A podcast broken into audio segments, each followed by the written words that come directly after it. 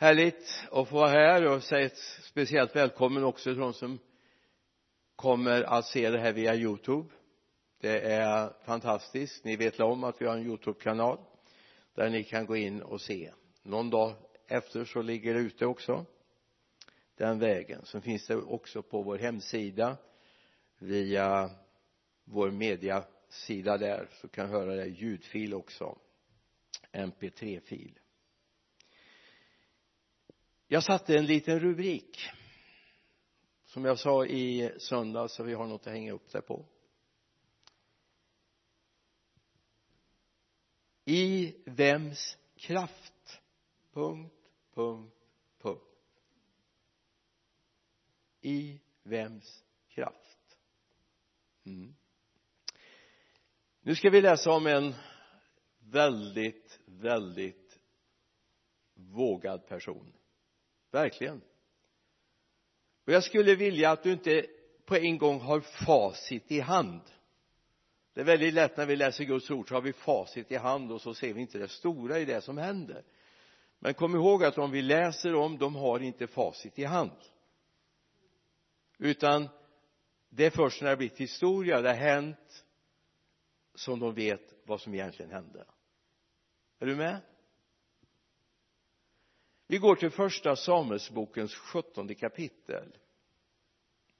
Vers 41 och några versar framöver. Det är David som kommer till sina bröder med mat. Och så får han se det förskräckliga i att eh, den store filisten Goliat härjar och driver gäck med Israels heliga här. Och någonting väcks av stridslystnad hos David. Hans bröder är där. De är lika vettförskrämda som alla andra så fort Goliat låter sin röst höras så darrar folket och så backar de. Men David är av en annan art, en annan personlighet. Han har något annat med sig. Och det är där vi kommer in i bilden. Samtidigt gick filisten framåt och kom allt närmare David. Och hans sköldbärare gick framför honom. När filisten såg upp och fick se David föraktade han honom.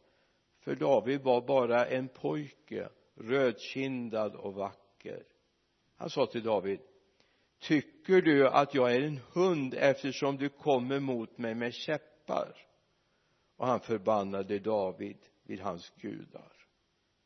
Sedan sa filisten till David kom hit till mig så ska jag ge dig ditt kött till himmelens fåglar och markens djur. David svarade filisten du kommer mot mig med svärd spjut och kastspjut men jag kommer emot dig i Herren Sebots namn. Han är Gud för Israels här som du har hädat. Jag behöver inte berätta hur det gick. Du vet så småningom låg filisten Goliat i vågrätt läge träffad av en sten från slungan som David hade.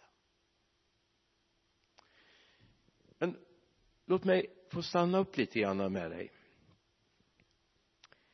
Om du läser några verser innan så vet du att Saul, kungen ville att David, som han egentligen inte gillade skulle klä i sig den rustning som var Sauls rustning men Saul var ganska välväxt.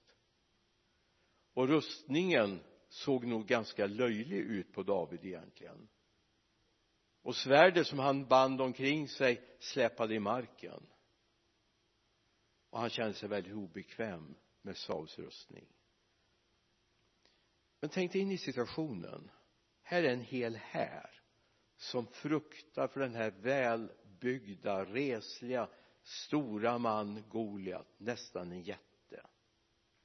Och här kommer den lille pojken rödkindad och vacker utan rustning med en herdestav och en slunga och fem flata stenar plockade i bäcken. Kan du se scenariet framför dig? Alltså skulle man ha tippat utifrån mänskligt perspektiv hur hade striden slutat? Utifrån ett mänskligt perspektiv hur hade den här striden slutat? Naturligtvis. Utifrån ett mänskligt perspektiv hade inte David den ringaste chans. Han hade blivit lämnad åt himmelens fåglar och markens vilda djur. Men vi vet eftersom vi har läst facit så vet vi att så slutade det inte. Det finns någonting i den här berättelsen som är viktig att få med oss och som vi borde vara besjälade av. Det är den Gud som var med David. Och som gjorde skillnaden mellan det mänskliga perspektivet och vad som verkligen hände. Så frågan är hur var David rustad? Och hur är vi rustade för den oundvikliga striden i den här tiden? Ja David hade ingen yttre rustning men han hade ett namn som var honom givet i vars namn han stred. Du kommer emot mig med svärd, spjut och kastspjut men jag kommer mot dig i Herren Sebaots namn. Han är Gud för Israels här som du har hädat eller hånat så jag kommer emot dig i Härhövits namn mannen Herren. Han som är den som för himlakropparna upp i rätt ordning. Han som har skapat himmel och jord. Det är hans namn jag strider i inte mitt. Även om David berättar att han hade tagit lejon och slitit isär dess käftar och han hade brottats med björnar så var det inte det som var hans legitimitet att stå på stridsfältet. Hans legitimitet kom ifrån den Gud som han tjänade. Och det här behöver vi lära oss för vi kan känna oss lika avklädda, lika nakna, lika hopplösa i vår situation som David såg ut när han bara var i sin herdeklädsel med en käpp och en slunga är det inte så vi känner ibland? Vi känner att vi har inte så stor chans. Men det är viktigt att få reda på i vems namn är det vi kan strida? Är vi väl rustade?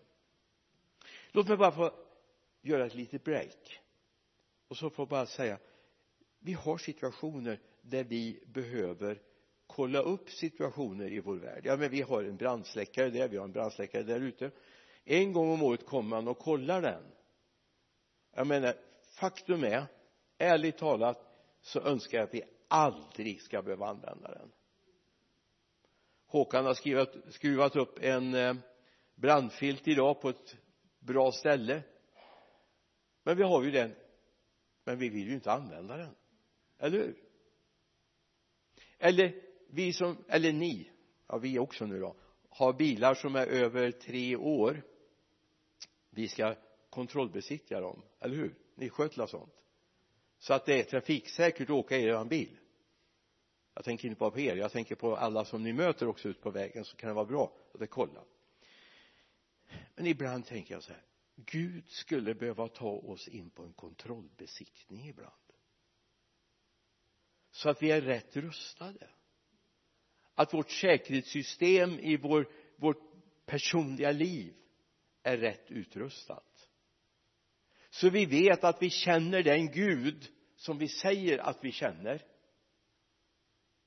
Så vi vet att vi är väl rustade för den situation vi ska vara och att jag vet var gränserna går för vad jag kan göra. En liten sån där sak som jag upplevde för en hel del år sedan. Jag var väl lite övermodig en god vän till mig en församlingsmedlem i den församling jag tjänade då ringde mig en dag och sa du sa han kan du hjälpa mig? Jag ska flytta ett piano. Ja, visst det kan jag göra. Jag följer med och flyttar det här pianot. Jag visste ju inte att det var ett välbyggt piano som var blytungt. I mina ögon kändes det som det vägde flera ton. Och vi skulle från en källare upp i en trappa som vek runt att det inte gick galet alldeles både för honom och mig.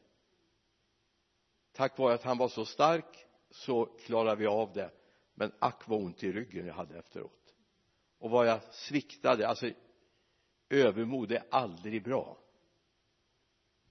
Jag gör aldrig om det mer. Så ringer någon och säger så här att vi ska flytta ett piano kan du komma och hjälpa till?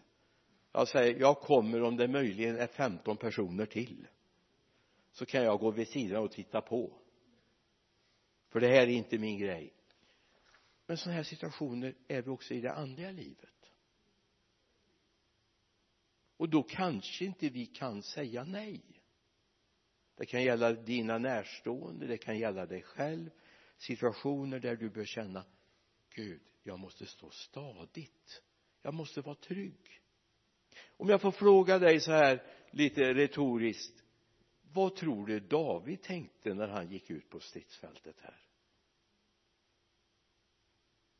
Tror du han tänkte så här får se om jag kommer levande tillbaka det kanske går för mig som Goliat säger men då har jag ändå försökt. Tror du han tänkte så? Jag är helt hundra på att David var helt övertygad om att han skulle avgå med seger. Tror inte du det med? Det var ingen dödspatrull. Utan det var, det var ingen sån här självmordsbombare utan han var helt övertygad om jag vinner segern. Varför då? Jag känner Herren Sebaots namn. Jag vet att han är med mig. Och det är det som är så viktigt att vi har med den perspektivet i våra liv. För mänskligt sett så har vi inte så stor chans alltid, eller hur? I Lukas 14 så finns det ett uttryck eller ett sammanhang som vi bör titta på lite grann. Lukas 14, 28 det säger Jesus om någon av er vill bygga en torn sätter han sig inte först ner och beräknar kostnader och ser om han har kan fullfölja bygget. Annars om han har lagt grunden men inte lyckats bygga färdigt kan alla som ser det börja håna honom och säga den mannen började bygga men lyckades inte bli färdig. Och tittar du vidare efteråt ska du se om den här som ska ge sig ut i strid bör sätta sig ner och fundera på ska jag vinna slaget eller kommer det inte lyckas? Alltså ibland kan vi behöva innan vi går in i striden, i kampen, i motståndet börja sätta oss ner och fundera på har jag möjlighet att vinna den här striden? Har jag möjlighet att bli en övervinnare? Eller ska jag be om nåd att slippa.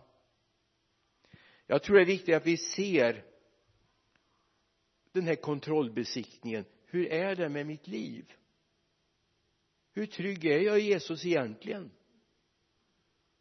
Kommer jag vinna segern eller ej?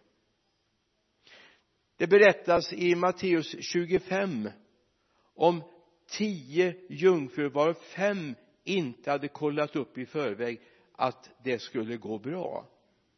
De här tio jungfrurna då har vi Matteus 25 första del. Om vi bara tittar på vers 6 och några versar framöver. Vid midnatt hördes ett rop. Brudgummen är här. Gå ut och möt honom. Då vaknade alla jungfrurna och gjorde i ordning sina lampor. De oförståndiga sa till de kloka ge oss av er olja. Våra lampor slocknar. De kloka svarade det skulle inte räcka både till oss och till. Er gå istället till dem som säljer och köp. Men när de hade gått iväg för att köpa kom brudgummen och de som var redo gick med honom in till bröllopsfesten och dörren stängdes. Till slut kom de andra jungfrurna tillbaka och sa herre herre öppna för oss. Men han svarade jag säger er sanningen. Jag känner er inte håll er därför vakna för ni vet inte vilken dag eller timma han kommer. Vad viktigt det är att vi är vissa om att vi står stadigt att vi innan det händer vet att vi har olja i lampan. Att vi är vissa om att det kommer gå vägen. Så att vi inte faller undan och upptäcker när det blir skarpt läge så har jag inte olja i lampan. Det lyser inte längre. Den här andliga kontrollbesiktningen som Gud kan utföra i våra liv kanske vi borde kolla lite mer. Det finns ett annat exempel som jag vill ta er med till där det är helt annorlunda. Om vi går till apostlagärningarnas tredje kapitel vers 6 till 8 det står här men Petrus svarade silver och guld har jag inte men vad jag har det ger jag dig. I Jesu Kristi Nazarens namn res dig och gå. Och han grep honom i högra handen och reste honom upp och genast fick mannen styrka i fötter och brister han hoppade upp och stod upprätt sedan började han gå. Han hade gjort kontrollbesiktningen. Petrus och Johannes visste vad de hade i den inneboende kraften. De visste att om vi tilltar den här mannen så har vi någonting att ge. Okej guld och silver har vi inte. Vi kan inte ge någonting i din eh, skål du har framför fötterna men vi kan ge dig det som är bättre. Det är det det handlar om. Jag säga, hade det varit du och jag så hade vi nog hellre tagit upp en 20 och lagt i, i skålen för den lame, eller hur? Jag tror det är viktigt att vi ser vad som finns i vårt liv. Att vi är rustade. Jag tror det är viktigt att vi är medvetna om att vi gjort den andliga kontrollbesiktningen. Gud jag vet på vem jag tror. Jag vet var jag står i mitt liv. För ingen av oss som till den här jorden är född kommer undvika stormar. Motgångar saker som kommer drabba vårt liv. Vi kommer att föras ut på slagfältet. Vi kommer att möta motståndare. Vi kommer att möta människor som talar illa om både dig och den tro du har. Det kommer. Eller sjukdom kommer men vad jag har det ger jag dig. Men vad jag har ger jag dig. I Jesu Kristi Nazarens namn res dig och gå. Han grep honom i högra hand och reste honom upp och genast fick mannen styrka i fötter och brister. Gud hjälp oss vi vet. Det finns ett ord. Och har du inte det understruket i din bibel skulle jag vilja att du har det understruket och ofta, ofta, ofta återvänder första Korinthierbrevets andra kapitel, vers 12 det är en nyckelvers för oss som kristna. Det är en nyckelvers. Lever du inte med den versen varje dag så behöver du göra det från nu. För det handlar om den andliga kontrollbesiktning Gud vill göra i ditt liv. Men vi har inte fått världens ande utan anden som är från Gud för att vi ska veta vad vi har fått av Gud. Vi har inte fått världens ande. Tyvärr tror jag de flesta kristna lever med världens ande. Men istället skulle vi bekänna vi har fått en ande som kommer från Gud. Och vad har vi den? För att vi skall veta vad vi har fått från Gud. Det är det du behöver få reda på. Vad du har fått från Gud och i all synnerhet när du går in i stormiga tider i ditt liv så måste du veta vad du har fått från Gud. Vi behöver inte leva i okunnighet om vad Gud har gett oss. Inte en enda dag behöver du leva i okunnighet därför Gud har talat om i din hjärta. Precis som när David står där på fältet mot Goliat så säger jag kom emot dig i Herren Sebots namn. Det var inget fejk. Det var ingenting han hade intalat det var inget peptalk han hade mött. Det var en visshet. Alltså jag blir så trött på kristna som lever på peptalk. För när det börjar blåsa lite grann åt ett annat håll så är det peptalken borta. Men när Guds ande börjar tala i våra hjärtan så vet vi vad han har skänkt oss. Jag vet det. För jag vet att jag vet att jag vet att det är sant. Jag står stadigt i mitt liv därför säger eh, Jesus så här i Lukas 24 och 49 du har ett motsvarande sammanhang i apostlagärningarnas första kapitel vers 4 där säger Jesus så här och jag ska sända över er vad min far har lovat men ni ska stanna här i staden tills ni blivit rustade med kraft från höjden. Det är där vi behöver stanna så vi inte rusar åstad i egen kraft utan är medvetna om att vi har fått kraft från Gud. Vi kan gå till apostlagärningarna 1 också vers 4 och 5 det är samma författare vet du samma som har tecknat ner det här Lukas och apostlagärningarna. Vid en måltid med apostlarna befallde han dem lämna inte Jerusalem utan vänta på vad fadern har lovat det ni har hört av mig. Johannes döpte med vatten men ni ska om några dagar bli döpta i den heliga ande. Alltså ibland rusar vi för fort. Har för bråttom för angelägna. Och så blir vi ett byte för djävulen istället. Och det är viktigt att vi inte blir byten för den onde så att han får driva sitt spel med oss. Men om vi stannar upp låter honom bekläda oss med kraft då kommer det att ske mirakel. Då kommer det att ske mirakel. Därför jag vet på vem jag tror. Okej okay, alla talar illa om mig alla har synpunkter på mig alla talar illa om Jesus som jag älskar. Men jag vet han är min. Och jag är hans. Vi hör varandra, till varandra. Därför att han har landat med sin kraft i mitt hjärta mina tankar, mitt sinne. Det är inte underligt att bibeln så mycket talar om sinnets förnyelse. Att sinnet får upplivas i och genom honom. Därför säger Paulus här när han skriver till sin andlige son Timoteus andra Timoteusbrevets tredje kapitel vers 16 och det här alltså jag, jag tycker Paulus tar i här jag, jag är jag är glad för jag säger men det här är sant. Det här är sant.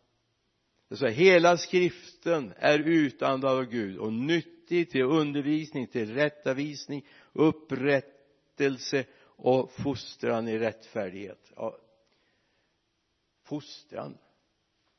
Men den är nyttig. Och så står det i vers 17 så att Guds människan blir fullt färdig väl rustad för varje god gärning. Så att gudsmänniskan vilka är gudsmänniskor? Vilka är gudsmänniskorna? För jag ser en massa gudsmänniskor här. Känner du inte det? Du är en gudsmänniska. Och det här vill Gud jobba med det är hans egendom, han vill jobba med den.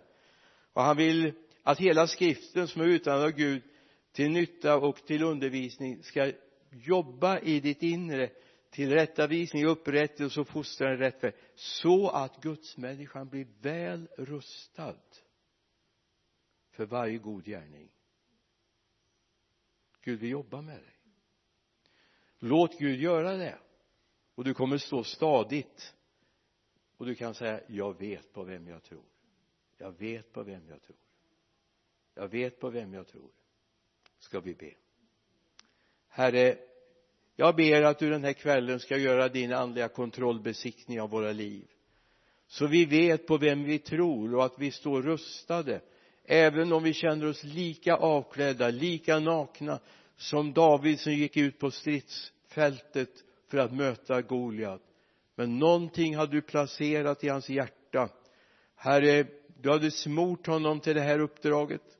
Och herre han visste att han skulle avgå med segern därför att han gick i ditt namn. Så herre vill vi se det också i den strid vi lever i idag herre hjälp oss att alltid få vara i Herren Sebaots namn. I Jesu namn. Amen.